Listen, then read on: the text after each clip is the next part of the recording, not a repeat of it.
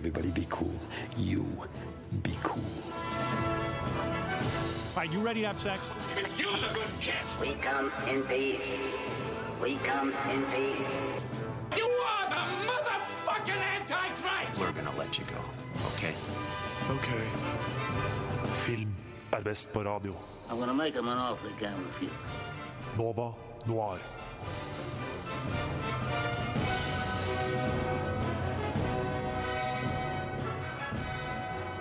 God torsdag ettermiddag, holdt jeg på å si. Jeg mente morgen. God morgen. God morgen. I dag er det torsdag, klokka er ti. Og det betyr at nå er det Nova Noir som du hører på. Uh, mitt navn er Tage Rivas Tollefsen. I dag, dere, så skal det skje ting. I dag skal vi snakke masse om Jake Gyllenhaal, fordi han er jo en av våre favorittskuespillere som eh, er aktive nå om dagen. Men jeg kan ikke gjøre det her alene. Derfor har jeg med meg både Sara Yes, og Hanne. Hallo. Hvordan går det, girls? Ja, det går bra. Det går fint. Jeg gleder meg. Hva syns dere om kulden, egentlig? Det vil jeg snakke om først. Det er altfor kaldt ute. Det er sånn, det er litt sånn rart, dette her. For man skulle tro at Jeg er jo fra Ålesund, så man skulle liksom tro at når man bor med kysten, så får man litt sånn Litt mer sånn ja, kraftigere vær, da. Men det er sånn innlandskulda i Oslo, ass, den tar Ja. på meg. Altså. Ja, men det er noe med at i Bergen er det jo bare surt. Det blir ikke ordentlig kaldt på samme måten som Nei. det er her. Så jeg fikk litt sjokk når jeg gikk ut i dag. Ja, jeg også. Jeg gikk ut og så jeg rim på bilen. og Sånn. Dette, dette her funker ikke. Nei. Dette går ikke. Men uh, heldigvis så er det jo nå er det noe. Så varme sjel.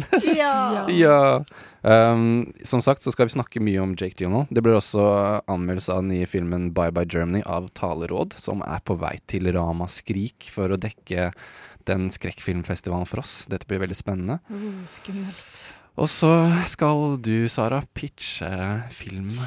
Det blir spennende. Yes, gleder dere, ass. Det her er jævlig gøy. Men uh, generelt sett så blir det mye snakk om Jake Gyllenhaal og filmene hans, så vi skal prøve å gå sånn dypdykk i han, han som person og som skuespiller, og uh, hvorfor vi elsker filmene hans. Uh, men først skal vi høre Donny Benet med 'Konnichiwa'. Det var Donny Benet med 'Konnichiwa'! Jeg fikk eh, beskjed om å uttale det veldig japansk, så det gjør jeg nå. Eh, En veldig god låt på, fra uh, Radnovas B-liste. Skikkelig gode vibes, altså. Ja, Gode vibes. vibes. Det trenger vi nå som det er så kaldt ute. Um, lyst til å snakke litt om hva vi har sett siden sist, for det pleier vi å gjøre. Uh, før vi liksom går rett inn i Jake Gyllenhaal. Uh, kanskje du har lyst til å starte, Hanne? Ja, for vi var jo faktisk eh, sammen på kino eh, stort sett hele noir på søndag. Mhm. Og så selvfølgelig Blade Runner 2049. Det er best movie Nei, da, ok. Men eh, ganske, ganske holdt, holdt standarden, altså. Ja, altså jeg var bekymret for at den skulle føles for lang. Jeg var oppriktig redd for at jeg skulle måtte tisse før den filmen var ferdig. Det var en bekymring du hadde, husker jeg. Ja, ja, ja. Men, eh, men det gikk kjempebra. Tenkte ikke på det en eneste gang, for jeg var bare så sugd inn i det Ja. Vakre, men stygge universet der. Ja, altså det, jeg, det jeg merka mest, var det at jeg, jeg kom ut av den kinosalen, og liksom kulda bare tok tak i meg. Og jeg tenkte, tenkte bare sånn Jeg har ikke pusta på de siste tre timene, liksom. Nei, den filmen jeg så den for andre gang, jeg så den med dere, den er så bra, den. Den uh, anbefales sterkt til alle der ute. Uh, hva syns du om uh, Jake Gyllenhaal? Nei, jeg mener Jake Gyllenhaal. Ryan Gosling. Ryan Gosling. Ryan Gosling. Det sa du nå fordi vi snakket Ja. om at uh, selv om Ryan Gosling gjorde en fantastisk jobb, tenk hvis Jake hadde tatt den rollen. Ja. Um, det kunne kanskje gjort den enda et hakk bedre, men vet du hva, det, den trengte ikke et hakk bedre, fordi at jeg syns at uh, Gosling gjorde en fabelaktig jobb. Jeg. Mm. Så, men tenker liksom sånn med tanke på eh, litt sånn fæle univers, da. Mm. Så siste filmen jeg så, var 'Children of Men'. Mm. Yes, og den er jo veldig sånn eh, ja, apokalyptisk, nesten. Eh, Ja. Så ja, jeg har litt sånn dystopisk fremtid. Ja, jeg føler sånn feelingen at eh, høsten er litt sånn dystopisk fremtid. Ja, Det er, det er stemning for det om dagen. Den filmen handler jo om en fremtid der ingen kvinner kan uh, føde barn lenger. Mm. Og så Litt Er- sånn Handmaid's Tale. Ja, litt. på en måte. Mm. Okay. Og, men den filmen er så utrolig bra, fordi at Ja.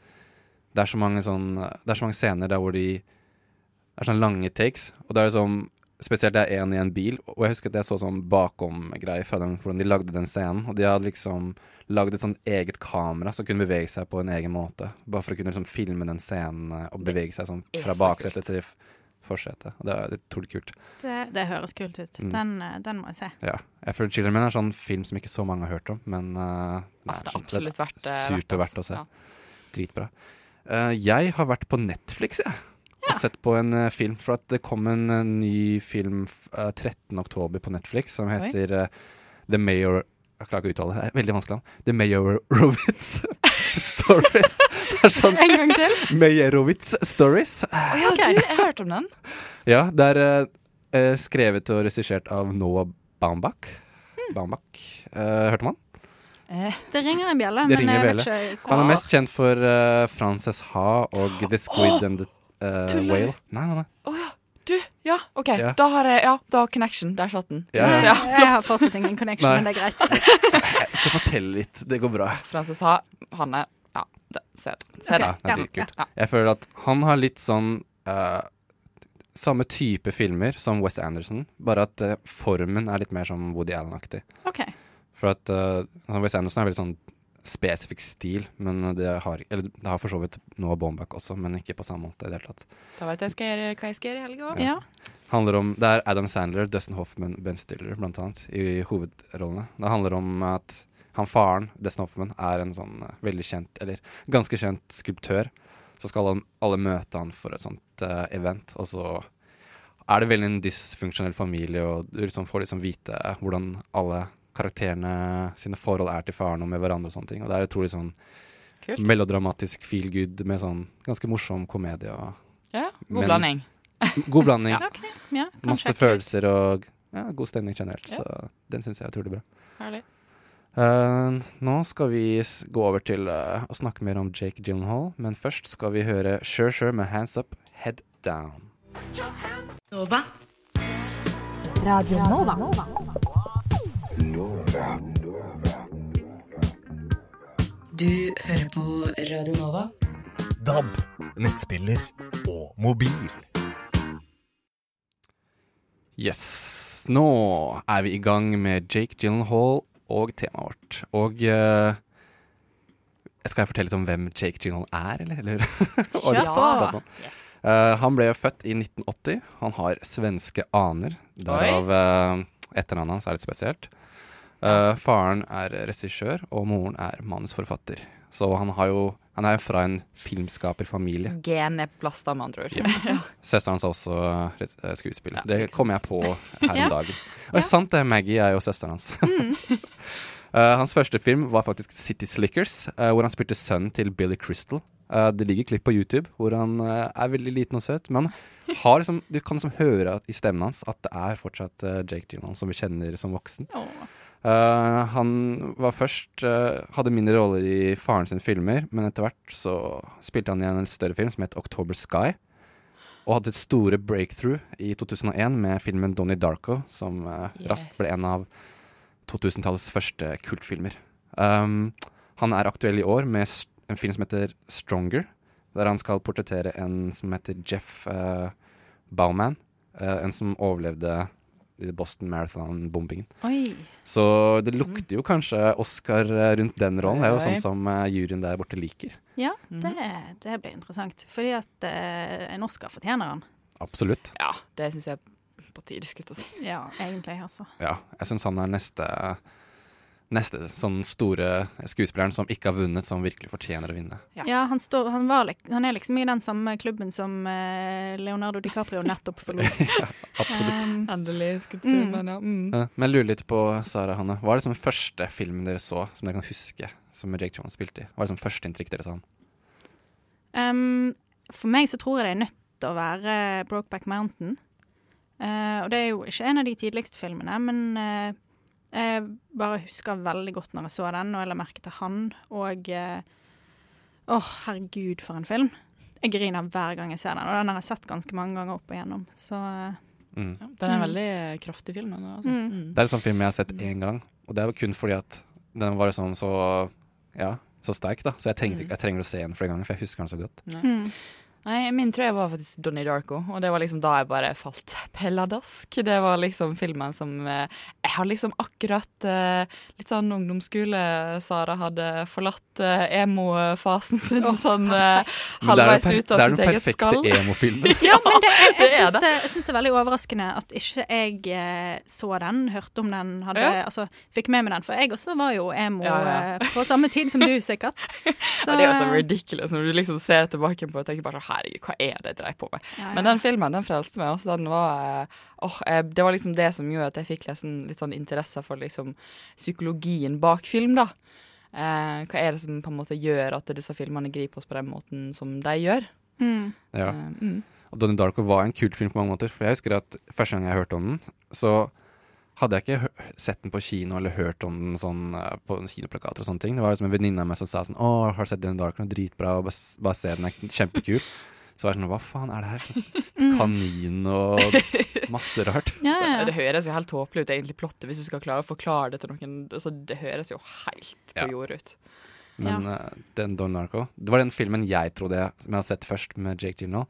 Men så når jeg så på IMDb hva han hadde spilt i, så kom jeg på at når jeg var uh, sikkert sånn 11-12, jeg husker ikke, så så jeg en, f en film som het Bubble Boy.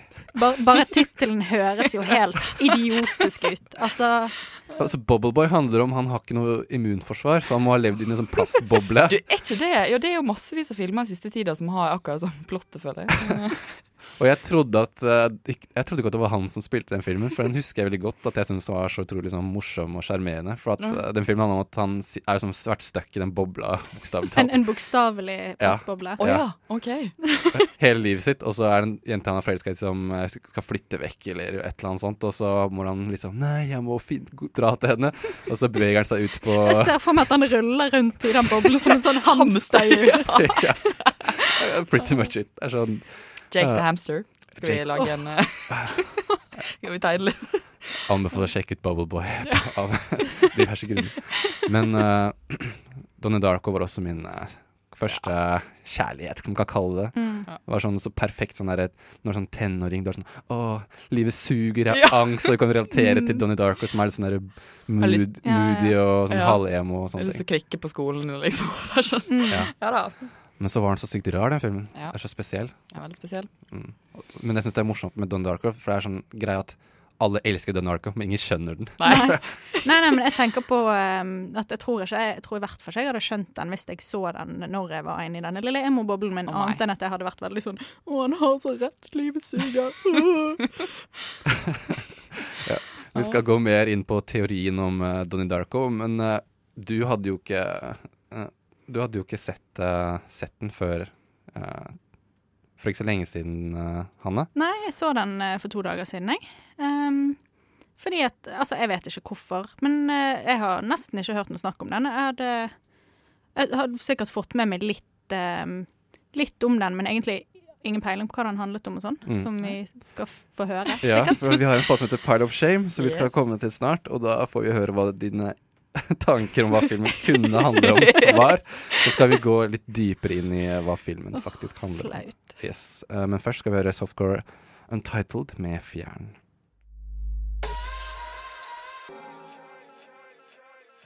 Softcore Untitled med Fjern. Nå eh, hører du på Nova Noir, og nå skal vi ha noe som heter Pile of Shame, fordi vi snakker om Jake Gyllenhaal i dag. Og vår kjære Hanne hadde ikke sett Donnie Darko, og det føler jeg faktisk er shame. Hvis du ikke har sett eh, Shame. den tar jeg. Den tar jeg. Eh, og uh, du spilte inn uh, dine tanker om hva du trodde den handla om på forhånd. Um, ja, Og det skal vi høre litt på nå. Vær så god. må vi. Det eneste jeg vet om Donnie Darko, er at det er en thriller. Jeg tror at det er med en skummel kanin. Kanskje det er en seriemorder som går rundt i kaninkostyme. Ellers ser det litt ut som eh, fra filmplakaten, da. Eh, som at det er noe overnaturlige greier. Kanskje kaninen er en demon som manes fram, eller noe. Um, ja. Faktisk så tror eller vet jeg ingenting mer enn det. Du tror eller vet ingenting mer enn det. You know nothing. Altså, jeg hadde i hvert fall rett om at det var en kanin, da. Det hadde du. Ja. Eh, jeg kan jo spørre deg, da. Hva handler Donnie Darko om? Nei, det, det er fortsatt vanskelig å svare på, da. Ja, Den men er sånn jo, eh, eh, men, gr- eh, grove trekk. Em, jo da, det er jo vår gode Jake, som er en ganske trøblete tenåring, som eh, får besøk av en litt skummel kanin som eh, oppfordrer han til å gjøre diverse ting som ikke er så bra. Nei. Mm. Som for eksempel. Hva, Som, hva, er, det som, hva, er, det som, hva er det som skjer i Donnie Darko? For vi, vi, det er en såpass gammel film, for vi kommer til å bare snakke om alle detaljene. Så Ja, hvis du ikke har sett den filmen, så Too bad. Too bad. Det, Ja, Nå skal vi snakke i Trenger ikke noe spoiler warning her. Nei. Fordi det er jo en sykt merkelig film. Det er jo tids... Uh, altså tidsreisingteorier og alt mulig rart som kan liksom kobles Ja. inn i den. Og det som er så spennende med den filmen her, da, det er egentlig at nesten alt i hele filmen har en eller annen form for mening eller betydning eller tolking eller et eller annet som på en måte hinter vi som liksom seere til å på en måte ha Altså, du kan se eh, på en måte se fremover i tid, eller noe sånt, i selve liksom, detaljene i filmen. da.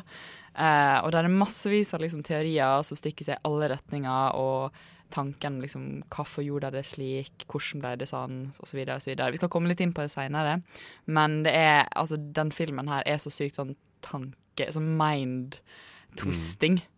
Man har liksom så mange perspektiver å ta hensyn til at det blir så, det blir så mye på en gang.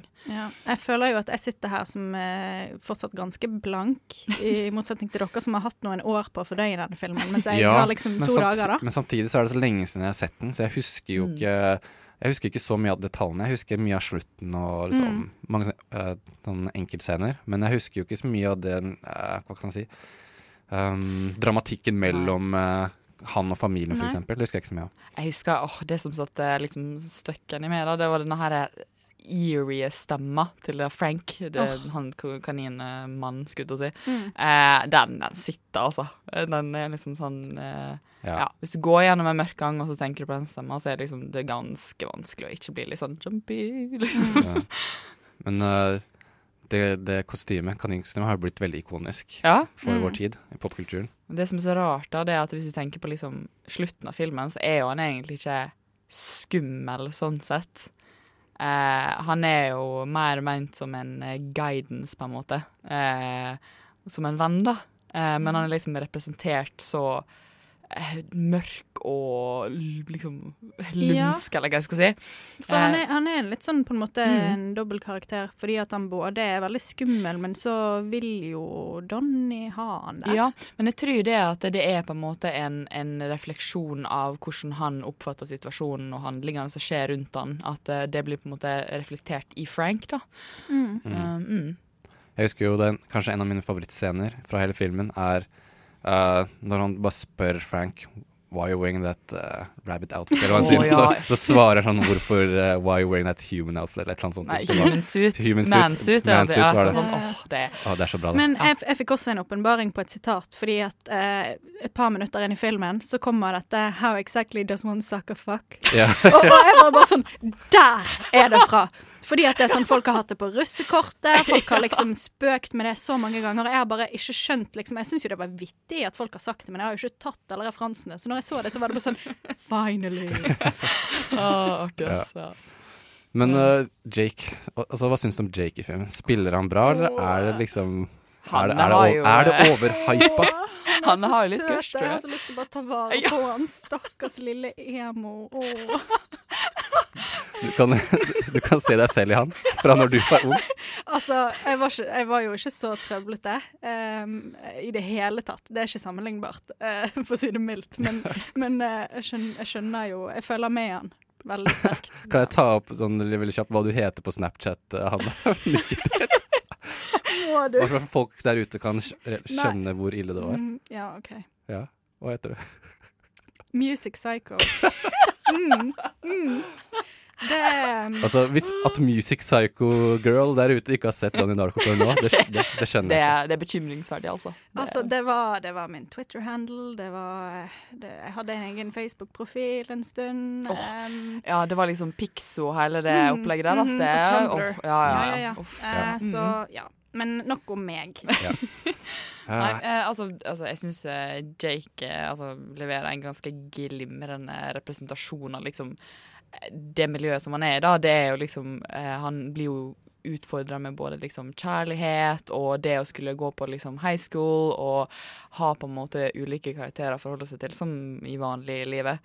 Eh, og, men han er jo som sagt et veldig, en veldig trøbla, Mm. Eh, troubled person.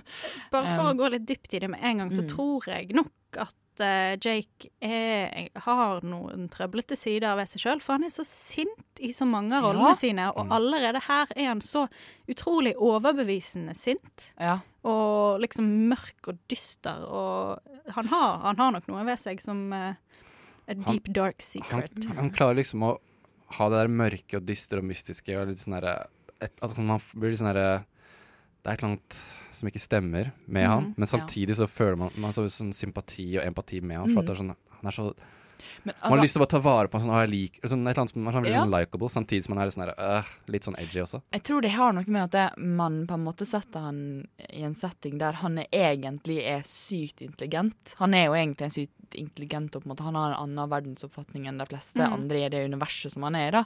Eh, og det at han blir så malplassert, gjør at, du, at man får liksom følelsen at han hører ikke hjemme her, på en måte.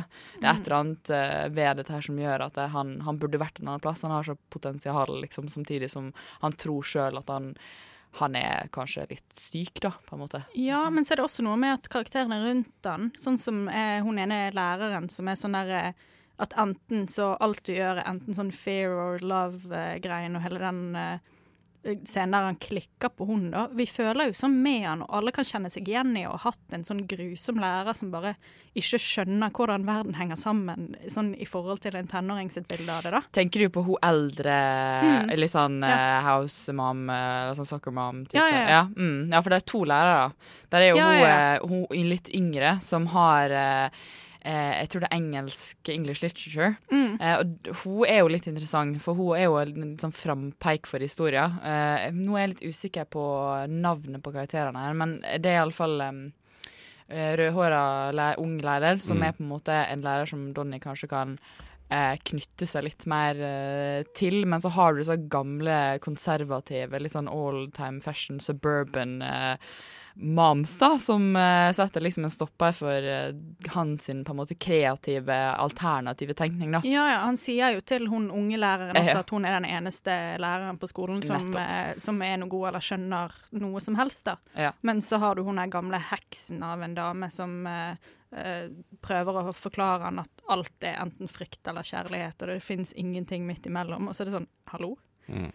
Jeg tror det er også en grunn til at vi kan, eh, mange kan relatere, til, relatere seg til filmen. For vi alle har hatt liksom, den ene yndlingslæreren, og så har vi også hatt den helt for jævlig læreren som vi hater, og som er, som, får oss til å føle oss utrolig misforstått når det er de som er eh, Det er et eller annet galt med. Mm. Så Ja. For det, den unge læreren, hun heter altså eh, i filmen um, Carrie, uh, Karen Pomeroy, uh, spilt av Drew Barrymore. Um, så hun er på en måte den som setter På en måte gir han litt sånn spill, spillrom, da.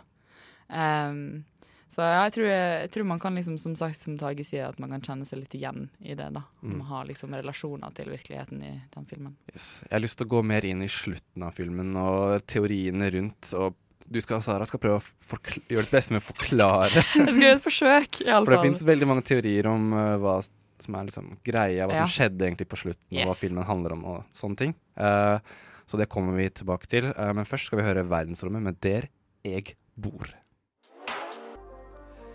Verdensrommet Der jeg bor. Var det bra bergensk, eller, Hanna? Ja, ja, ja. Ja, ja. ja. Eh, Én til ti. Dialekten. mm, fem. Fem. Oi, Milk. Du, du, sånn, du kunne vært brannsupporter. Sånn eh, klassisk sånn eh, Sitter på fotballpuben og eh, Sånn tar meg en pils. Johnny, hva gjør du på Ja, Ja, sånn. hør, at jeg, hør at jeg studerte i Bergen. Mm, Ikke sant? Mm. Eh, nå skal vi snakke mer om Donnie Darko, fordi den filmen er, for å si det mildt, mindfuck. Yes. Og uh, jeg ser på det, Hanna, du er litt mindfucked, for du så den nylig. Ja, jeg, jeg tror jeg trenger litt lengre tid til å prosessere, og til å se den på nytt, egentlig. Hel heldigvis har vi en guru her borte som heter Mhm. Sara. Mm, no, ja. Eh, Som skal, gjøre sitt beste med å forklare Ja. hva egentlig den filmen her handler om. Det er mange rare sånn tidsreiseteorier som eh, kommer i spill. Veldig, veldig merkelig film, dette her. Men eh, altså Nå skal jeg gjøre mitt beste her, altså. Det er ikke sikkert dette her er en accurate representation, men vi gjør et forsøk. Ja. Um, selve filmen spiller jo egentlig på det vi er redd for. Hva er det vi som mennesker liksom frykter? Hva er det deepest, darkest liksom fears? Og man kan liksom si ja, jeg er redd for edderkopper, jeg er redd for slanger, bla, bla, bla.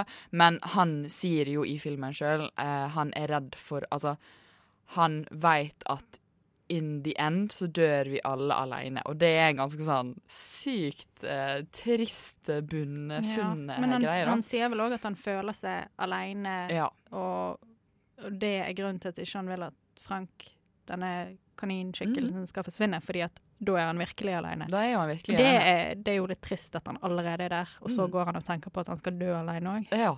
Så det er liksom Han har sånn Han har liksom et sånt sterkt uh, En sånn sterk frykt for det her, da. Mm. Eh, og han er så klar over det, alt han gjør, alt han sier, og han føler at liksom ingenting gir noe mening, for det, hva er poenget uansett? Det spiller jo ingen rolle når alt bare ender uansett. Det har liksom ingen betydning.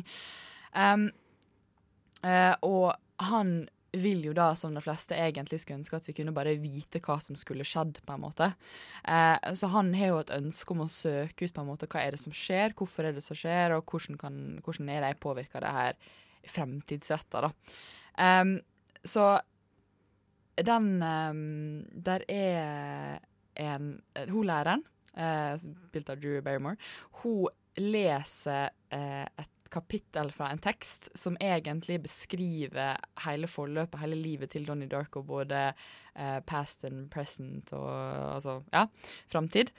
Um, som er på en måte en sånn måte du kan forutse hvordan filmen kommer til å ende, da. Um, men man får liksom inntrykk av at han er litt sånn Han er litt merkelig som karakter. Han oppfører seg veldig rart. Han er veldig sånn smiler på merkelige tidspunkt, og han oppfører seg liksom ikke helt sånn normalt da, som man skulle tro at man hadde kommet til å gjort. Um, Nei. der er liksom et tidspunkt der uh, hun Gretchen, som da blir eventually kjæresten hans, uh, ish, uh, eller ja, sitter og snakker, og han bare smiler sykt creepily på henne uten å reagere eller respondere på noe av det hun sier, og man tenker bare han her er jo ikke helt uh, his right det mind. er et psykopatsmil. Ja, det er jo det. Men grunnen til at det er det, er fordi at han veit allerede hvordan, uh, hva som skjer, og hva som kommer til å skje i framtida. Fordi han er klar over at han sjøl er i noe som heter et tangent universe, og som egentlig kan beskrives som et parallelt univers. Eh, og det som er måten det blir forklart på, da, er at det, av og til, for uforutsette grunner, så skjer det en rift in time. Og gjennom denne boka som han finner, da, um, som han blir introdusert, av, uh, introdusert til av, av um, filosofiprosessoren sin, uh, The Philosophy of Time Travel, som egentlig er faktisk bok, eh, ja. så, eh, så kan man altså Så leser han da at eh, hvert menneske er egentlig en vessel. Eh, som på en måte kan ha muligheten til å possesse eh, enkelte skills, da. Eh, og så man kan på en måte eh, Du kan bruke den til å Altså, du kan bruke den menneskelige kroppen til å få liksom tida på rett right track igjen, da.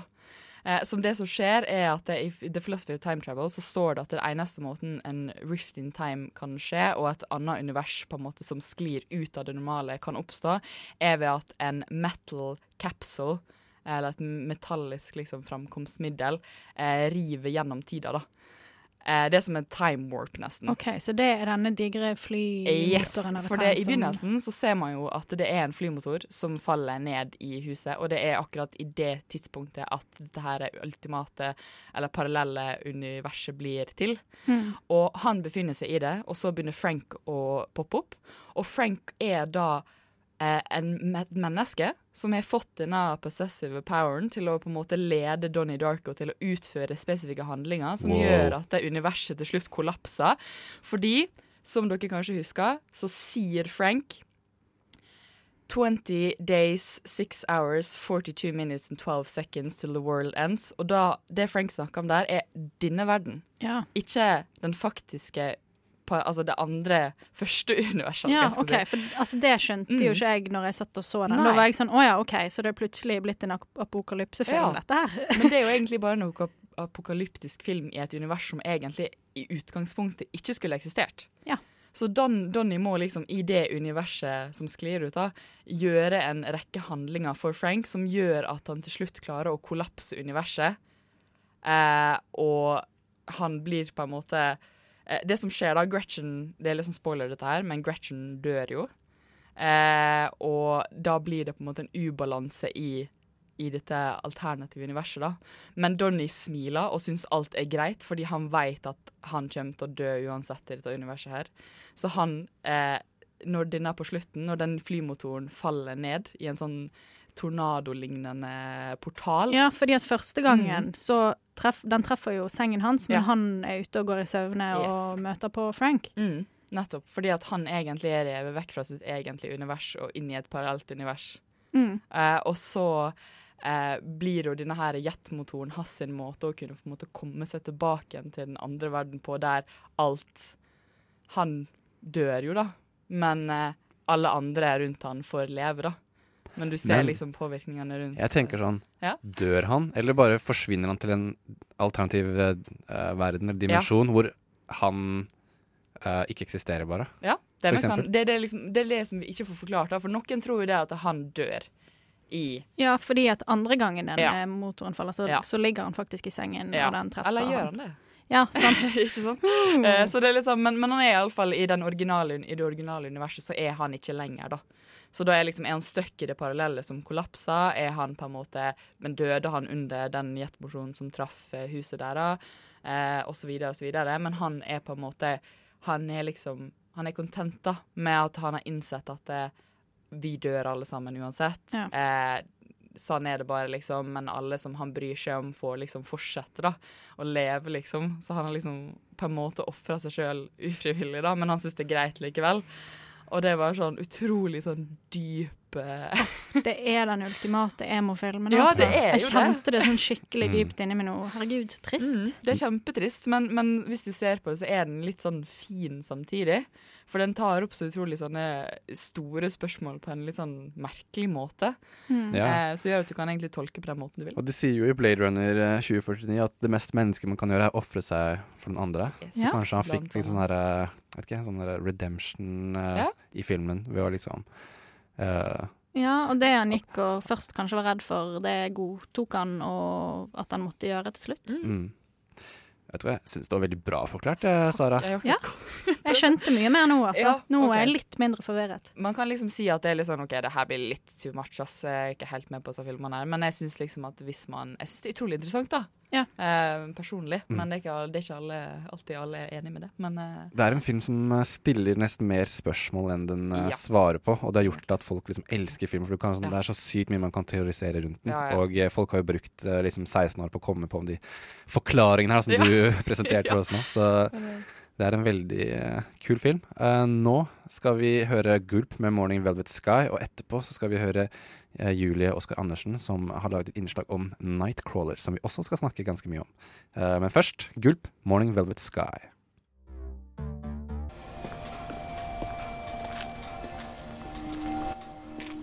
I 2014, da Popcorn Time bare var litt shady og du kunne velge å vrake av nye filmer, snublet jeg over en spennende thriller ved navn Nightcrawler. Den er regissert av Dan Gilroy og har Jake Gyllenhaal i hovedrollen. Filmen handler om arbeidsløse Lou Bloom som sliter med å få tak i en jobb. En natt snubler han over en kameramann som filmer en trafikkulykke, og får lære at han skal selge klippet til den høyest bydende nyhetsstasjonen i LA. Morning news. If it bleeds, it leads. Lou ser en mulighet, skaffer seg et kamera og starter jakten på sjokkerende nyheter i Los Angeles' pulserende natteliv. Han søker etter alt fra ran til innbrudd, trafikkulykker og mord.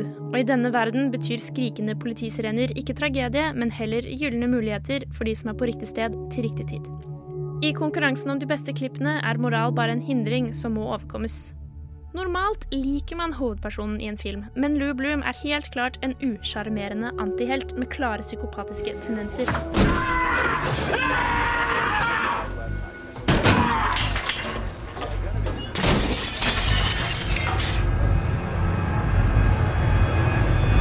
Han er en sånn type som nesten hadde vært litt kjekk, var det ikke for at han var intens, manipulerende og ikke minst creepy. I also want to stop our discussion over prices. This will save time. So when I say that a particular number is my lowest price, that's my lowest price. And you can be assured that I arrived at whatever that number is very carefully. Now, when I say that I want these things, I mean that I want them. And I don't want to have to ask again. Jake Gyllenhaals normalt tiltrekkende ansikt er magert, innsunkent og har to stikkende, ærgjerrige øyne som stirrer på deg. Hver gang han prøver å være hyggelig, går det kaldt nedover ryggen på alle som ser på. Han er smart og kalkulerende og stiger fort i jakten på de beste klippene, koste hva det koste vil. Det er først når han møter på TV-produsenten Nina, spilt av Renee Russo, at det tar av. Hun forteller ham nemlig at noen klipp selger mer enn andre, og aller helst klipp der kriminalitet rammer hvite middelklassefamilier i forstadene. We find our viewers are more interested in urban crime creeping into the suburbs. What that means is a victim or victims, preferably well off and white, injured at the hands of the poor or a minority. Just crime. No, accidents play cars, buses, trains, planes, fires. But bloody. Well, graphic. The best and clearest way that I can phrase it to you, Lou, to capture the spirit of what we air, is think of our newscast as a screaming woman running down the street with her throat cut. I understand. Filmen viser Lus jakt på selvrealisering og hvordan hans suksess blir mer og mer destruktiv for alle han møter. Han skjønner ikke hvorfor andre behandler ham som en drittsekk, når etter hans mening han er høfligheten selv. Det han ikke skjønner, er at han er innpåsliten og egentlig bare frekk. Filmen viser nyhetsindustriens kynisme og visker ut linjene mellom det å observere og det å være en aktiv deltaker, og det tar ikke lang tid før Lou begynner å krysse moralske grenser for å få så bra og så sjokkerende klipp som mulig. TV news, what happened? No, the, I, the, I think it was a head-on co- collision, and then there's a guy who's dead who's over there. There's a woman who's Did you see what happened? Am I supposed to help move? I didn't see what came after. Am I Can you tell me exactly what happened? Will you get the camera out of my face? Get it out! I'm trying to talk to 911. Det er ikke rent sjelden at disse såkalte journalistene går i veien for politiet, brannmenn og ambulansepersonell for å få de klippene de vil. Filmen har en tung og dyster tematikk, men er visuelt vakker og har et rikt rollegalleri og ikke minst godt skuespill. Nettene er fargelagt av blålys, billykter, lyktestolper, butikkvinduer, TV-er og dataskjermer, og i denne filmen blir nettene fremstilt som fargerike og mer levende enn dagene. At nettene er mer levende, gjenspeiler Lus følelse av å endelig finne en verden der han passer inn. En verden der god moral ikke får deg noen steder, og hvor du selv er ansvarlig for din egen suksess. Filmen forlater deg med en litt ekkel følelse i magen, men det er en utrolig bra filmopplevelse som alle burde få med seg. Vil du imponere venner, familie eller en kjæreste med god filmsmak, burde du sette på denne neste gang det er filmkveld.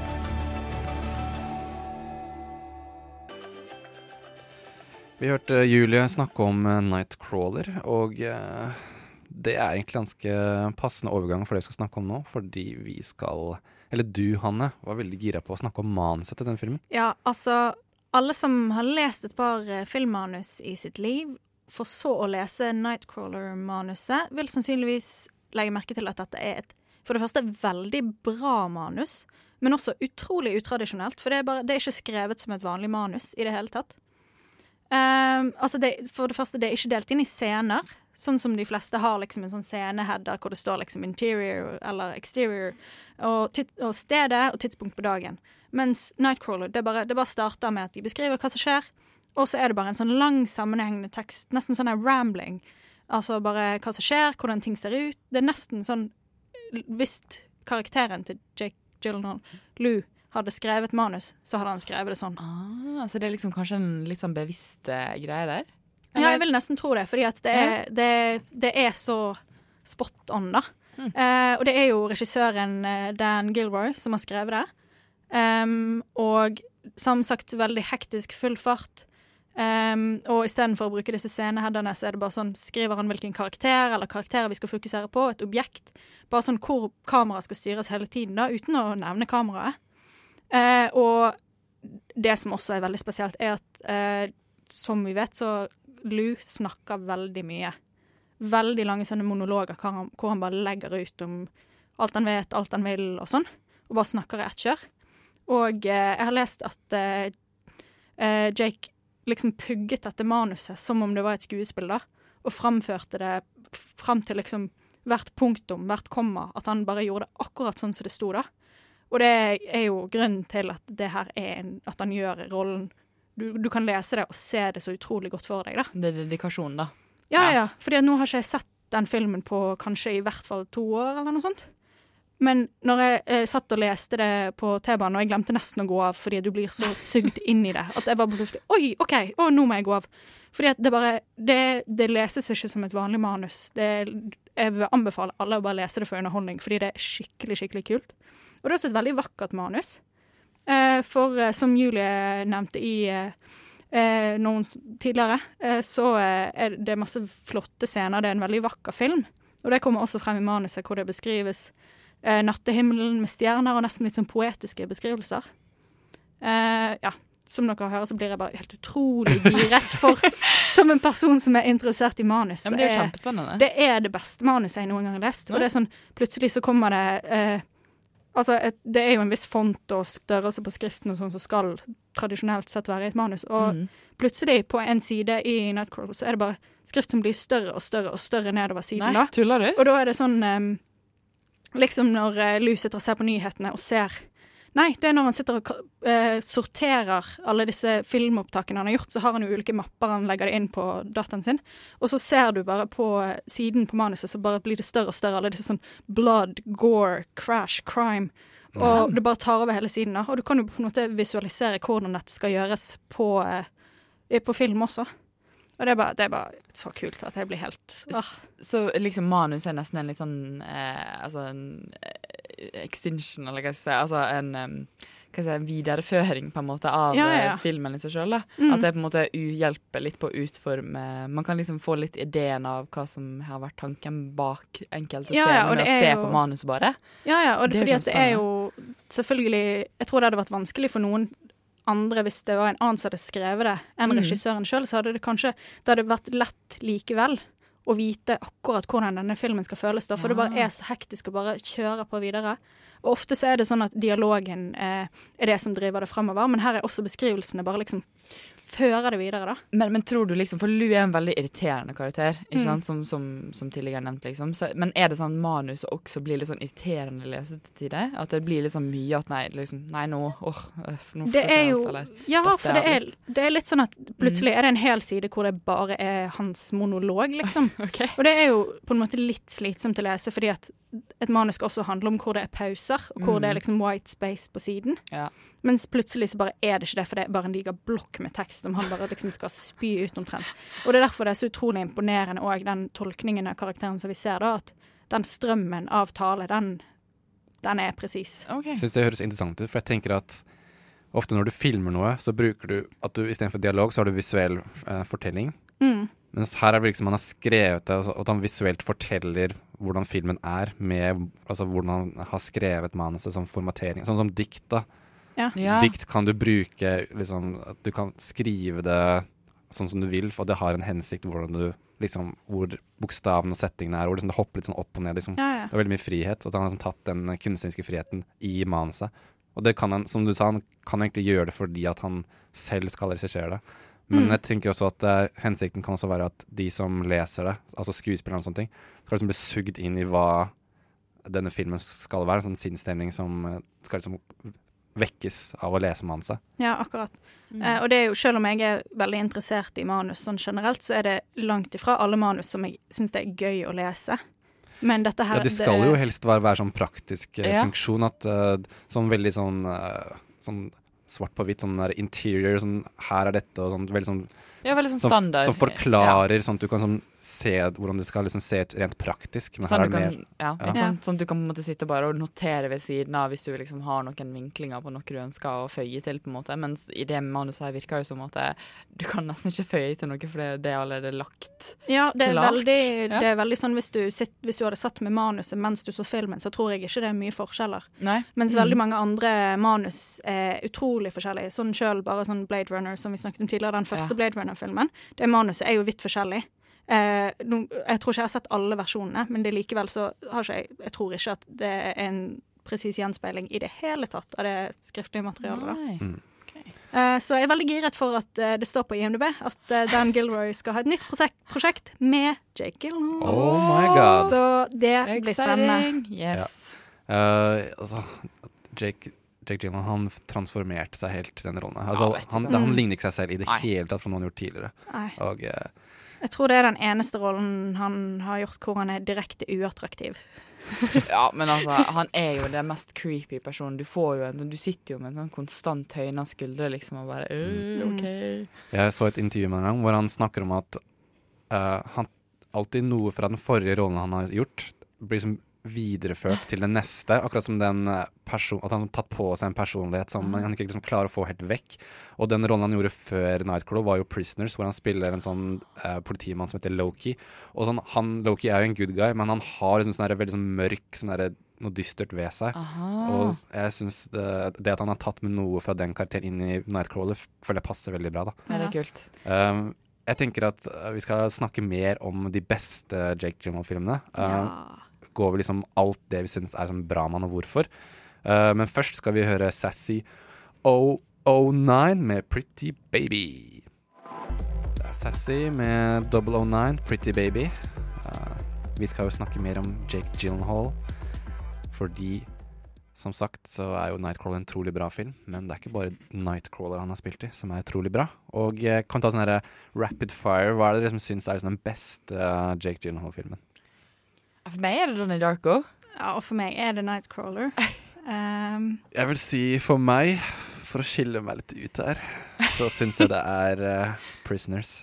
mm. Ja, OK. Jeg kan forstå den, da. Det er bare et eller annet med den karakteren som bare er så utrolig bra. Mm. Og jeg syns filmen også bare sånn urovekkende god og forstyrrer deg, men samtidig så er den utrolig spennende. Ja. Jeg, jeg tror det er noe som jeg, jeg tror det har noe med at den, altså, den Donnie Darko liksom snakka til meg på en annen måte som andre filmer kanskje ikke har gjort tidligere. da, For det var liksom veldig mye prega sånn high school musical-greier og sånn. Så plutselig finner du en film som er liksom one of the odd ones, da. Og den bare, du bare OK, film er mer enn bare liksom Ja. sparkles and glitter, liksom. Ja, jeg skjønner den. Jeg tror Ja. den hadde nok eh, stått høyere hos meg hvis jeg hadde sett den på riktig tidspunkt. Mm. Så jeg tror det har noe med liksom, konteksten den filmen er sett i. Men jeg, jeg ser begge, jeg ser begge perspektiver Mm. her, altså. Jeg har lyst til å ta opp én ting, for at mm. uh, Nightcrawler Da fikk ikke Jake Gyllenhaal eh, en gang en nominasjon for oss beste skuespiller for Det er helt vanvittig. Det er jo tragisk. Ja, ja. Altså, den rollen fortjente det så sinnssykt. Ja, det er jeg enig i der, altså. Mm. Og jeg skjønner Ja. Det er, altså, det er noe med å ta på seg den, den psykopatrolla, liksom. Det er ikke lett, altså. Nei, Du- også, også noe med den kroppslige transformasjonen Ja. også, fordi at eh, Jeg leste også at han eh, var ute og liksom løp eh, kjempelangt eh, når de spilte den inn. Sånn, han løp til sett veldig ofte, og sov gjerne bare fire timer, for de spilte jo inn på natten Mm. og sånn, og sov liksom et par timer, og så løp han tilbake til sett. Og bare helt sånn, Ja. spiste nesten ingenting for å bare være sulten, for han sammenlignet karakteren med en sånn eh, sulten coyote. Oh ja. Eh. At han fikk den følelsen av å lese det, Wow. og det er jo det er stemmer jo. Det er jo en accurate altså Det er jo, stemmer jo det. Ja, ja. det er det. Nei, Ja. altså, ja, men jeg tenker at det tar litt sånn Det tar på å gjøre sånne roller, da.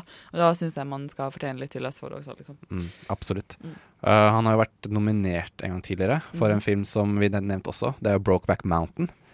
Yes. La oss snakke om Brokeback Mountain. Ja. Hva syns dere om den filmen?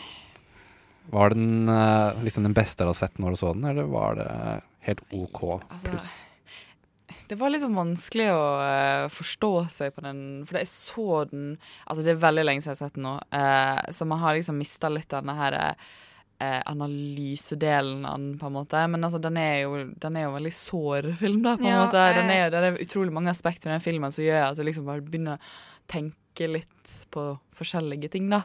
Ehm, ja. Det er òg en sånn karakter, så Jack Twist, som jeg bare Ja. Jeg føler så med han, og bare det gjør så vondt. Mm. Og så Det får jo en ekstra uh, dimensjon når vi vet uh, at eh, eh, Jake og Heath Heath Ledger. Heath Ledger var veldig gode venner og ble veldig gode venner der. Og så ser man den etter at Ledger døde, og så gjør det ekstra, ekstra, ekstra vondt. Åh, Sist gang jeg så den, det er sikkert noen år siden nå, men jeg bare husker at jeg grein så mye at det var helt i oppløsning. Og da har jeg sett filmen ganske mange, mange ganger før det òg, så jeg vet jo hvordan den ender, men det gjør så vondt hver gang. Mm.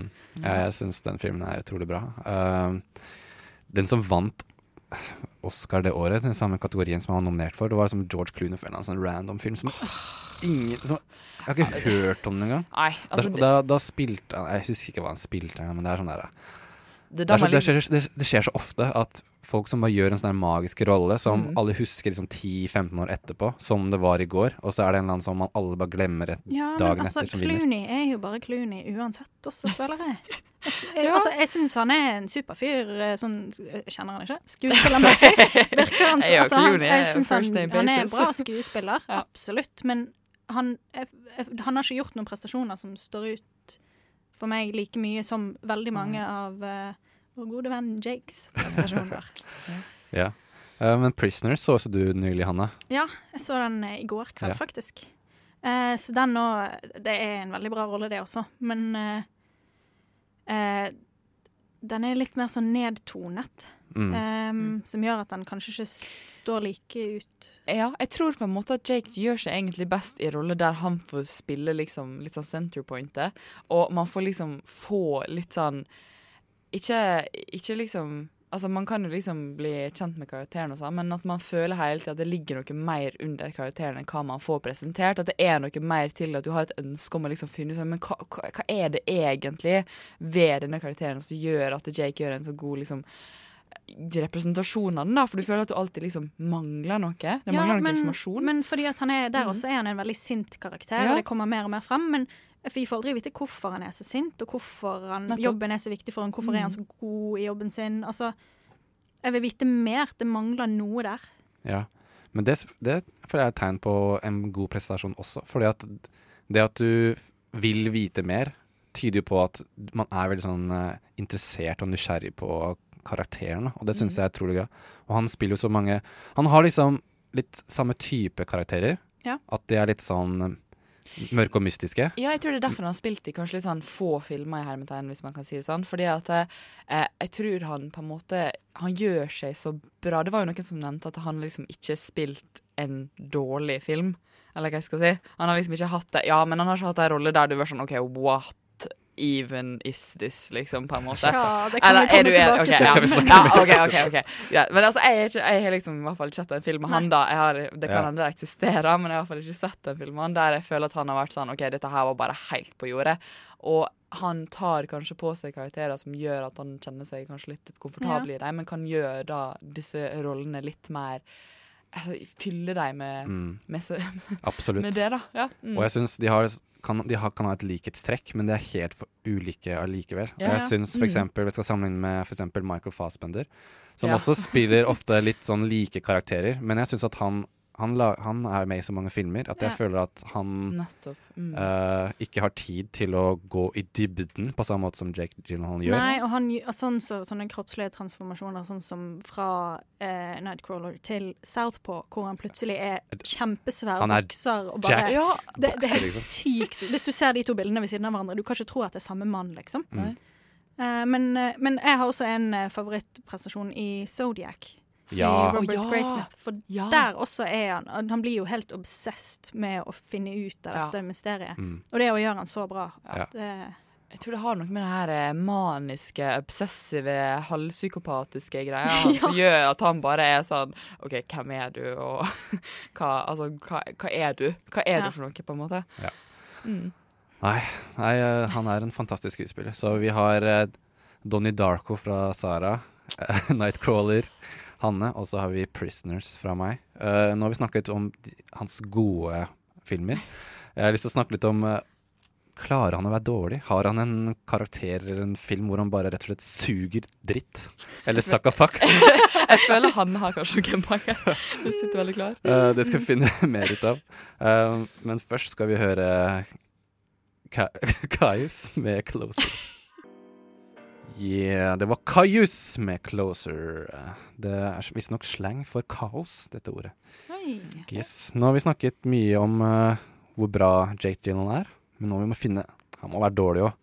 Eller hva, Ja, Hanne ja, og må Sara? han det? Ja, Altså, jeg, jeg har liksom ikke sett noen filmer. Det kan være bare jeg som har lite. jeg tilegner meg litt kunnskap om enkelte. nei. Du har vært flink til å lukte ut dritten, Ja. så du har liksom Ja. holdt deg unna det. OK, ja. Fordi Eh, at jeg gikk jo inn for å se så mye som mulig av det jeg ikke hadde sett med han før, uh, før denne sendingen, og uh, kom over en film på Netflix som er ganske interessant. Uh. Ja, hvilken film er dette? Okja heter den. Okja. Eh, En finsk? Nei, unnskyld. Var det? nei, um, og Okja er jo navnet på da en superpig. Hæ? En supergris. En kjempediger, mutert gris som liksom skal redde verden fra matkrise eller et eller annet sånt. Jeg Ja, det er en Ok. eh, dystopisk fremtid, ikke så veldig far ahead, så hvor det er matkriseverden. Ja. Og så er det sånn et eller annet firma som driver med sånn genmodifisering, og okay. Ja. de lager ti sånne superpigs, og så gir dem til bønder rundt, rundt over hele, hele verden.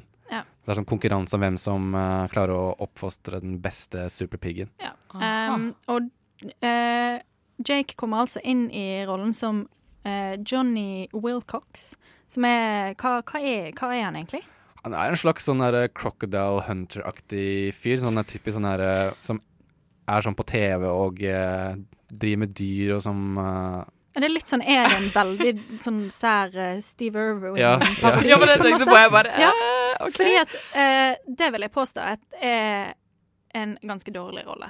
Ja. Men jeg tror Men jeg skal ikke skylde på skuespillerprestasjonene. Jeg tror bare at det, det var et veldig sært og annerledes valg, siden vi har snakket om at han har spilt ganske like roller. Ja. Han er fortsatt eh, psykopataktig oh, ja. og litt dark, Of course. men på en helt annen måte. Ja, for at, eh, for at den filmen er litt sånn, et, sånn, sånn tegnefilmaktig. Sånn, altså, karakterene er så overdrevne, og uh, han har vel sånn nasal stemme og er veldig sånn manisk opptatt av dyr, samtidig som han er sånn Yeah, yeah, har vært- pigs, ja, animals, vært, yeah! Vært sånn Altså. superpop, vært superpopulær. Jeg føler jeg burde se denne filmen bare for å liksom bare for å raise an eyebrow. Liksom. Ja, ja, for altså, det er jo interessant. Jeg, jeg så hele filmen bare fordi at det var sånn Hva i alle dager er dette for Men noe altså- sært greier? Men jeg må bare Altså. spørre, disse her grisene, kan de fly? For jeg ser for meg sånne gigantiske monstergriser som bare flyr gjennom liksom, atmosfæren i sånn her eh, Nei. doomsday Det er en liksom, sånn- Ser du byen bli dekket i mørket. På en måte sørkoreansk film. Mye av det er i Sør-Korea. Hovedkarakter, hovedkarakteren er en sånn jente som bor i en sånn eh, gård, bitte liten okay. gård på et fjell i Sør-Korea med bestefaren sin. Ja. Og hun og Okki er jo. BFFs. Ja, ja, Og når, den eh, grisen er hennes eneste og beste venn. Ja. Nei, så trist. Jeg blir så lei meg av sånne ting. Det, jeg griner aldri av filmer, bortsett fra hvis det er dyr. Da Ja, men, griner jeg nei, som men jeg tror faktisk altså, ikke at du nei? blir engasjert okay. nok til å klare å grine av denne. Det er noen ganske grusomme scener der, men det bare hele blir så parodisk at det vekket ingen følelser hos meg. Altså jeg, Min teori er at regissøren eller en eller annen bare gjorde sånn at han måtte spille en sånn teit karakter. For til og med Tilda Swinton syns jeg spilte dårlig i den Ja. filmen. Oi. Og Ja. hun er alltid magisk. Nei, det, det var den dårligste karakteren i hele greien også. Wow. Ja. Jeg føler jeg burde se den filmen bare for å, bare for å ha noe å klage Ja. på. den. Også, Jeg har lyst til å lage sånn compilation på YouTube hvor antall ganger de skriker 'Okja!' i den filmen. For de skriker 'Okja!' hele tiden. Åh, det er sånn supercut. Det er så irriterende. Det finnes sikkert allerede. Garantert. Men er det noe annet dårlig av Mr. Jake? Nå er jeg spent. Altså, jeg, eh, jeg tror at vi kommer til å være uenige her, fordi jeg nevnte denne filmen før. Ja. Eh, End of Watch. Du kan ikke si End of Watch er dårlig. Nei, altså, det er bare ikke min type film i det Jeg hele tatt. Jeg så, eh, den ligger også på Netflix, og jeg så ti minutter av den, og så var jeg sånn Nei, vet du hva, dette klarer jeg ikke. Ja, for han er litt sånn Han og Michael Penya spiller to politimenn i LA. Og de er veldig sånn uh, typisk sånn hardbarka politimenn som er sånn Yeah! Vi går rundt og bare shoot them up og er veldig Ja, sånn ja, og- gutta Og tror at de er skikkelig kule, sant, og bare også, også, Men mitt største problem er jo at dette, han eh, skal liksom ha en sånn videodagbok og gå rundt og filme seg sjøl og liksom sånn. Og det bare Å, hele det konseptet bare gjorde meg litt sånn øh, Orker ikke. Og så er det ikke noe Det er ikke noe ordentlig plott, føler jeg. Det er ikke, du sitter ikke og på en måte, Det er ikke noe spenning, du venter ikke at han skal gjøre noe. Som, altså, jeg, så- jeg så litt til, jeg så ca. en halvtime, og jeg bare var sånn Vet du hva, dette, dette gidder jeg ikke å bruke tiden min på.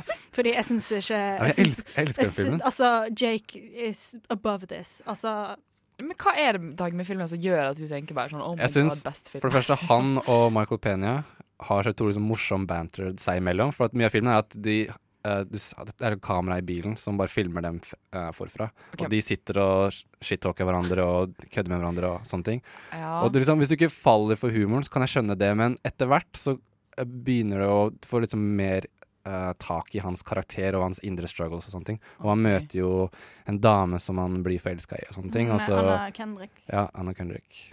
Uh, er det ikke den heter? Og uh, ja, jeg syns Og det er liksom du lærer liksom å elske de, I hvert fall for meg så elsker jeg de to karakterene, og så etter hvert så blir de liksom revet med i noe sånn eh, bad shit som de egentlig ikke er klar over selv, og så sitter du og bare Nei, ikke, ikke kjør dit, ikke gjør det! Så ja, nei, jeg syns den er en utrolig kul film. Okay. Ganske eksperimentell, men uh, ikke for alle. Ja, for jeg ser ikke helt for meg badass hardbarka LA Cops, var det du sa, som eh, bloggere. Det er ikke min første Nei, tolkning det det, av det, liksom. Litt sånn uh, single on car. Ja, det funket ikke for meg. Nei, okay, ja. Men uh, du kan jo kanskje se den du, og så yeah. får, Mm. får vi se, da. Yeah. Ja. Jeg, har, jeg tror jeg har sånn mellomting mellom dere, kanskje. Og så mistenker jeg, nå husker jeg ikke egentlig noen ting, men jeg mistenker at Bubble Boy kanskje ikke er hans beste film ever. Nei, han, det var vel ikke de beste forutsetningene for å gjøre en god rolle der. Jeg skal se den filmen bare pga. Hamster Jake, altså. Det, det, det skjer. Hvor det bare ruller rundt i gaten. No, I have to find my girlfriend. Spise på en løvetann eller noe. Ja, ja. Yes, den har fått litt av det dårlige. Mm. Uh, nå skal vi snart ha litt sånn fleip eller fakta-spalte fra deg, Yes, Anne. excited. Om Jake Gyllenhaal. So ready. Da er det meg mot uh, Sara. Oh yes. Game Um, on. Men først skal vi høre The Band Called O med låta Naked. Uh, uh, uh, oh yeah, boy! Det var The Band Called O med låta Naked. Jeg ble litt sånn, fikk litt sånn lyst til å synge soul. Ja, det. ja, ja. Uh, uh, uh, Det er oh. bare å kjøre på. Kjør på tagget. Your time to shine. Takk, takk. Nei, det er ikke min time to shine. Nå er det hans time to shine. Oh, for at nå skal hun right. ha en, være gameshow-host. Oh yes. Hvordan eh, vil det foregå? Um, jeg tror jeg bare kommer med en påstand. Eh, stort sett. Noen ganger Eller det er et, et tidspunkt hvor dere får alternativer. Og så kan dere bytte på å svare først, og så ser vi eh, hvem som eh, kan eh, mest trivia. OK, men da kjører vi gameshow! Oh yes. Du, du, du. Velkommen til quiz om Jake Gyllenhaal. Først påstand. Eh, som vi har sagt tidligere, er faren til Jake, Steven Gyllenhaal, regissør. Men har han annet regissert en episode av de opprinnelige Twin Peaks? Hvem skal svare? Hvem vil gå først? Å ja, vi er et svaret. Tage. skal jeg, Ja. skal jeg kalle meg Altså, da, da kan jo hun eh, bare herme etter deg, da. Ja. Å, er det sånn, ja? Så kanskje vi begynner med Sara. Jo. Eh, jeg tror det er fakta. Jeg sier også at det er fakta. Det er helt korrekt. OK, men mannen bak Twin Peaks, David Lynch, er han gudfaren til Jake? Fleip eller fakta? Tage først. Um, er han det? Ja. Jeg sier at det er fakta! Det sier jeg også. Det er fleip. Men, men Paul Newman, som er regissør, og skuespilleren som spilte Butch i Butch Cassidy and The Sundance Kid, er gudfaren. Og skuespiller eh, Jamie Lee Curtis, kjent fra f.eks. Freaky Friday, er det, gudmoren hans. Det leste jeg. Det er sånn som egentlig, Så. du egentlig vet, men som du bare ikke vet likevel. Det er så Hollywood-familie, ass. Ja.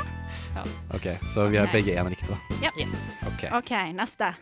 Jake fikk rollen som Frodo Baggins i Ringenes herre-trilogien, men takket nei. Fleip eller fakta? Jeg tror Nei, du kan svare først. Ja. Uh, jeg tror at det er fleip.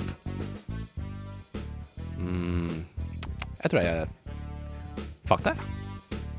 Det er fleip. Yes! Men han var på audition. Oi, okay. serr, men han fikk så vidt jeg vet eh, ikke tilbud om rollen, så det Hadde han ikke, hadde han ikke store nok øyne? For det han så kanskje ikke sær nok ut. Jeg vet ikke.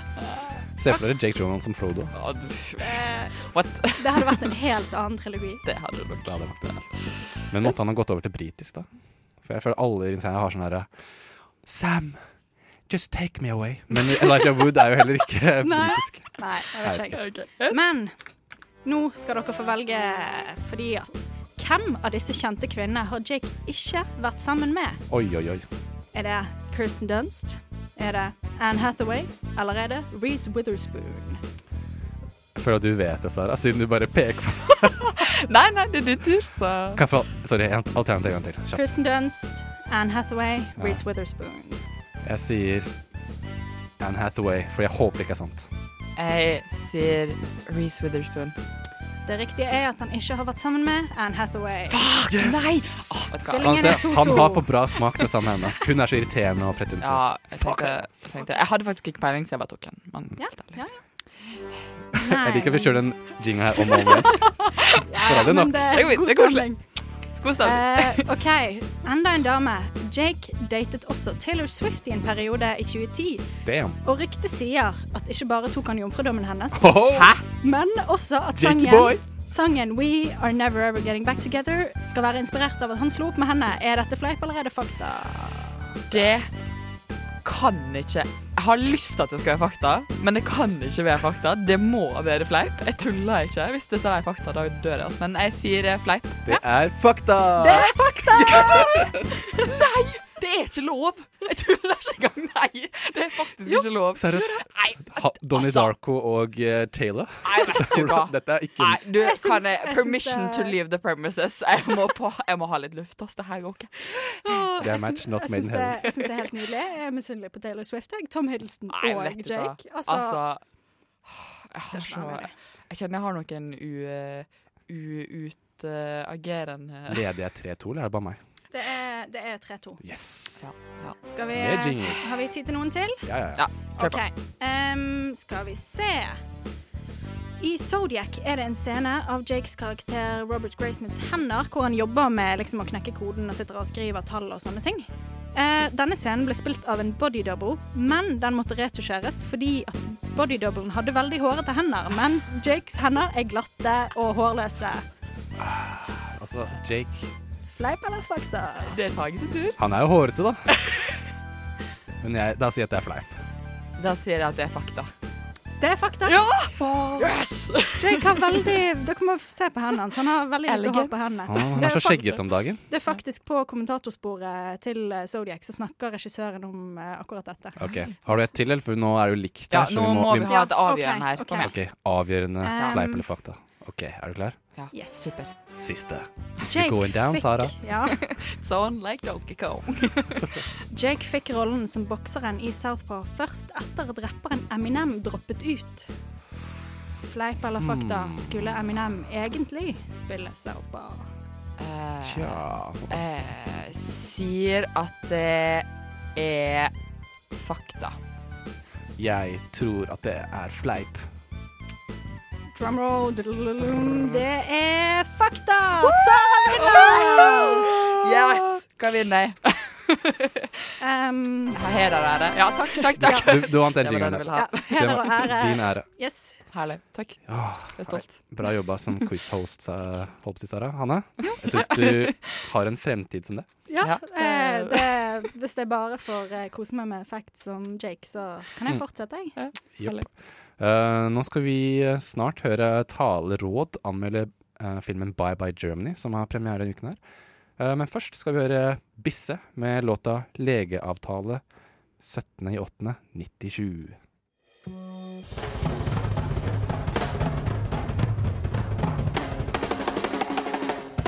Nova Noir presenterer ukens kinopremierer.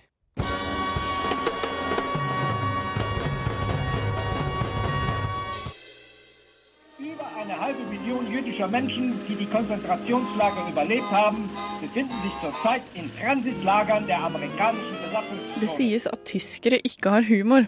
Det var i alle fall det Else Kåss Furuseth sa før premieren på Min pappa Tony Erdmann på Vika kino i fjor en gang.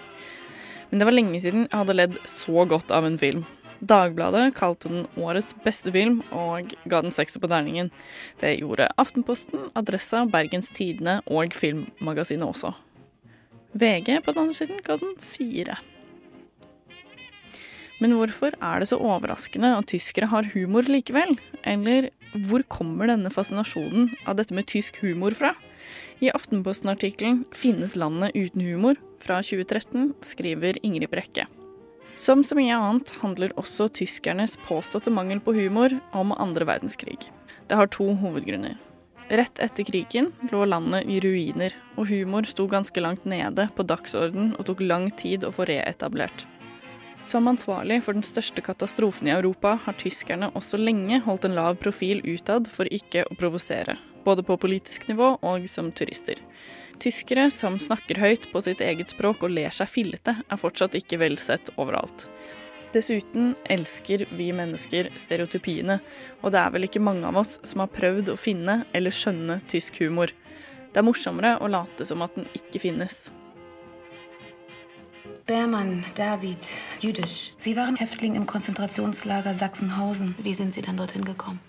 Mit einer Limousine, mit Chauffeur. Was brauchen die I Bye Bye Germany, eller Es war einmal in Deutschland. direkte oversatt Det var en gang i Tyskland, er det etterkrigstid, og det er jødene som ler. For de vet virkelig ikke hva annet de skal gjøre. Mormannen David Berman, spilt av Moritz bleibt treu. var den eneste i familien sin som overlevde konsentrasjonsleirene, og nå vil han bort fra Tyskland. Han vil emigrere til USA og leve et fritt liv et sted han ikke blir konstant minnet på hva som har skjedd. Men Berman innser at han må ha en startkapital, så han samler en gjeng kamerater, og de begynner å selge overpriste sengetøypakker til tyske husmødre. Hva brauchen de Deutschen momentan am dringendsten? Wäsche. Wir werden aufmachen einen Wäschegroßhandel. Halt, ich bin dabei. Vor Ende der Vorstellung. Als Projektionist ist er eine Katastrophe, aber als Verkäufer genial. Mit welchem Trick arbeitet er? Er wird Schuldgefühle bei den Deutschen. Schuldgefühle bitte? Men fordi det finnes to pass med hans bilde på, og fordi han ble sett på som en privilegert fange under oppholdet i Sachsenhausen, blir amerikansk etterretningstjeneste mistenksomme og anklager Berman for å være nazistkollaboratør. Regissør Sam Garbarski balanserer perfekt på grensen mellom humor og alvor. Det er mye komikk, men alltid elegant utført og aldri smakløst eller forgjeves. Vi følger Berman og gjengen hans mens de lurer og svindler seg inn i hjemmene til tyske husmødre eller sørgende familier for å selge de kjempedyre sengetøypakkene til en uslåelig pris. Mens de forelsker seg og sakte, men sikkert finner tilbake til rytmen i det vanlige livet igjen. Vi møter den nitriste og kjempesøte trebeinte gatehunden som har lagt sin elsk på Berman, og vi følger Berman til avhørene hos amerikanerne, som han veldig gjerne vil holde hemmelig for vennene og kollegene sine. Berman tilbringer mye tid i avhørene, og spesialagenten som avhører han, tror ikke på den ville historien om hvordan han blir hyret til å bli Hitlers vitsecoach. På denne måten veksler historien mellom nåtid og fortid, og forteller den tragiske og komiske historien om David Berman en gang i etterkrigstidens Tyskland. Temaene som blir tatt opp, er av de mest alvorlige, og nettopp derfor er det så deilig å kunne le godt mellom de følelsesmessige tunge slagene tilskueren får i magen gjennom hele filmen. Man føler med Berman og alle hans opplevelser, og til syvende og sist vet jeg ikke helt om jeg har mest behov for å le eller gråte når Bye Bye Germany er over. Men jeg velger å le, for som kameratene sier i filmen, det hadde uansett ikke forandret fortiden om vi hadde grått. Alt i alt er Bye Bye Germany en rørende og morsom film om noe man aller helst ikke skal le av. En film som passer godt til en lørdagskveld med familien. Jeg gir Bye Bye Germany syv av ti.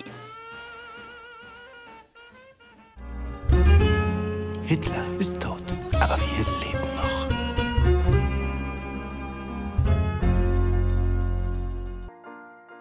Ane Bjerkan med Red Dragonflies. Nydelig, fin, altså. nydelig låt Ja, på. Novas A-liste.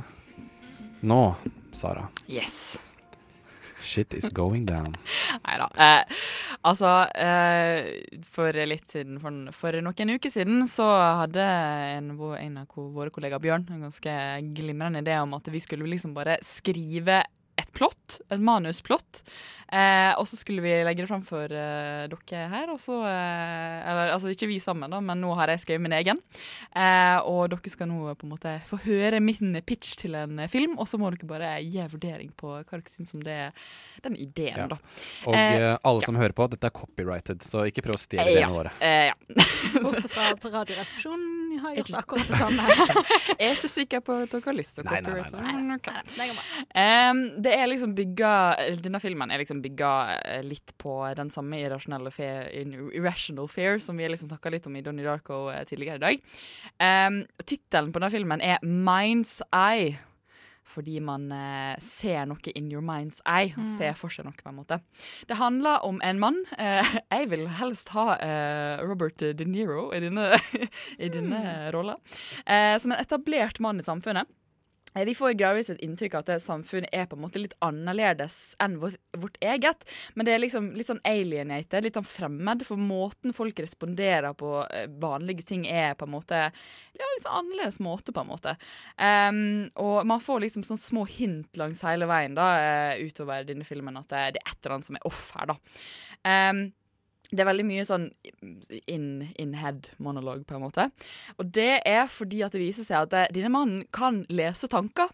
Eh, og han tror sjøl at han er sykt spesiell. Eh, og gjennom filmen liksom, så får du forklart at det, hver gang han prøver å ytre seg eller gi uttrykk for at han har denne evnen, så hindrer kroppen han basically fra å gjøre det. Han kan ikke si det. Når han skriver noe, så ender han opp med å skrive noe annet. liksom. Så du får liksom inntrykk av at det, han kan ikke gi uttrykk for det. Ingen veit om det, men han tror sjøl at han er kun den eneste. da. Um, og så, eh, på slutten, da, så viser det seg det at eh, plutselig er det ei kvinnestemme som på en måte hører hans sine tanker. Og så hører noen andre hennes sine tanker, og så hører noen andre den personens tanker. Så vi ser at alle kan lese tanker i hele verden, men ingen klarer å si at de kan det, så alle bare går rundt og tror at de er sykt spesielle. Og derfor så reagerer folk på veldig sånn sære måter, men ingen kan gi uttrykk for det, for de lever bare i en verden der alle vet alt om alle eh, til enhver tid. Eh, ja. Jeg tenker på Det hadde vært gøy hvis det var en sånn verden hvor alle kan Alle har mista evnen til å snakke, men Ja. bare alle eh, kommuniserer oh, telepatisk. telepatisk. Og så er det én person som blir født hvor han kan snakke, men han kan ikke eh, snakke oh, telepatisk. Så han blir sånn han, sånn, han går rundt i en verden hvor alle bare, Ja.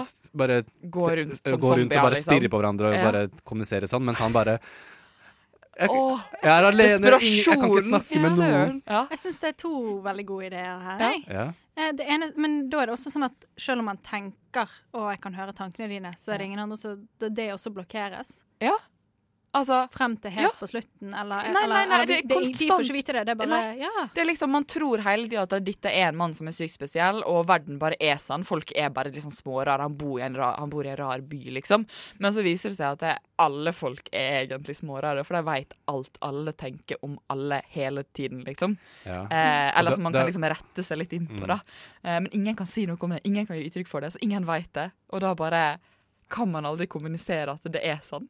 Det hadde bare er folk rare, Det liksom. hadde vært kult hvis i en film hvor det har vært sånne, sånne små sånne foreshadowing hele veien. Hvor at, Og hun kunne egentlig lese tankene mine på det tidspunktet, derfor gjorde hun et eller annet rart Ja, i den det- scenen. ja, og så når man ser den for andre gang, så gir alt man mening. ja. Fordi at de har kunnet lese tankene hans hele veien. Ja, og det er liksom hovedplottet er kanskje litt sånn noe annet, liksom. At det handler kanskje om livet hans med kona, og hvordan de kanskje gradvis eh, sklir fra hverandre, eller et eller annet sånt, fordi at de driver og leser hverandre sine tanker, liksom. Og egentlig er ikke det det som er hele handlinga i filmen. Handlinga i filmen er det at alle kan lese alle sine tanker, men det er liksom, du blir liksom digre liksom digresjon er andre kanskje plott, da. Mm. Så jeg tror eh, Den filmen vil jeg se, liksom. ja. Jeg vil også se den. Ja. Ja. ja. Nei, det Ja. Det er bare å begynne. Vi, vi pitcher etterpå og begynner å skrive videre. Sara. ja, definitivt. Uh, der ute, det kan ikke stjele det nå. Nei. Uh, nå skal vi høre Anja Elena Viken i morgen, og så er det snart ferdig. Men det er ikke helt ferdig ennå. Nå kjører vi på med låt. Yes. I morgen så er det fredag. Helg. Det blir kos. Ja. Uh, ja, jeg har vært uh, og er Tage Rivas Tollefsen. Vært uh, med dere i den sendingen her. Snakka om J Jake Gyllenhaal. Oh yes. Ja. Kjempemasse, men det er ikke nok. Nei. Nei, jeg kunne snakket enda mer om han. Mm. Og jeg vil egentlig bare si tusen takk til deg, Sara, og deg, Hanne, for en utrolig god sending. Jo, takk. Uh, litt bitter for at jeg tapte fleip eller fakta-konkurransen, men uh, sånn får det bare være. Uh, I dag så har jo Tale anmeldt uh, filmen Bye Bye Germany, som hun likte veldig godt, virket som. Hun ga den syv av ti. Anbefalte den. Mhm. Tysk humor på sitt uh, kanskje sterkeste på lenge. Um, Ellers vil jeg bare si følg oss på sosiale medier. Facebook, Instagram. Vi er mest aktive der. Twitter også. Twitter, ja. Ja, Mhm. Hanne er aktiv på Twitter om dagen. Oh, yes. Så bare Vi liker å høre hva dere har å si, så bare tweet at us, eller Snakk send oss meldinger. Ja. Jeg tror folk vil eh, Det er lett å få en shout-out på våre sendinger hvis dere er aktive. Lover å svare. Jepp. Neste uke blir det en ny sending. Masse spennende som skjer. Blant annet Thor Ragnarok, som står på menyen. Oh. Gleder meg. Nå så sier jeg ha det bra med låta Great News, Never Get My Love.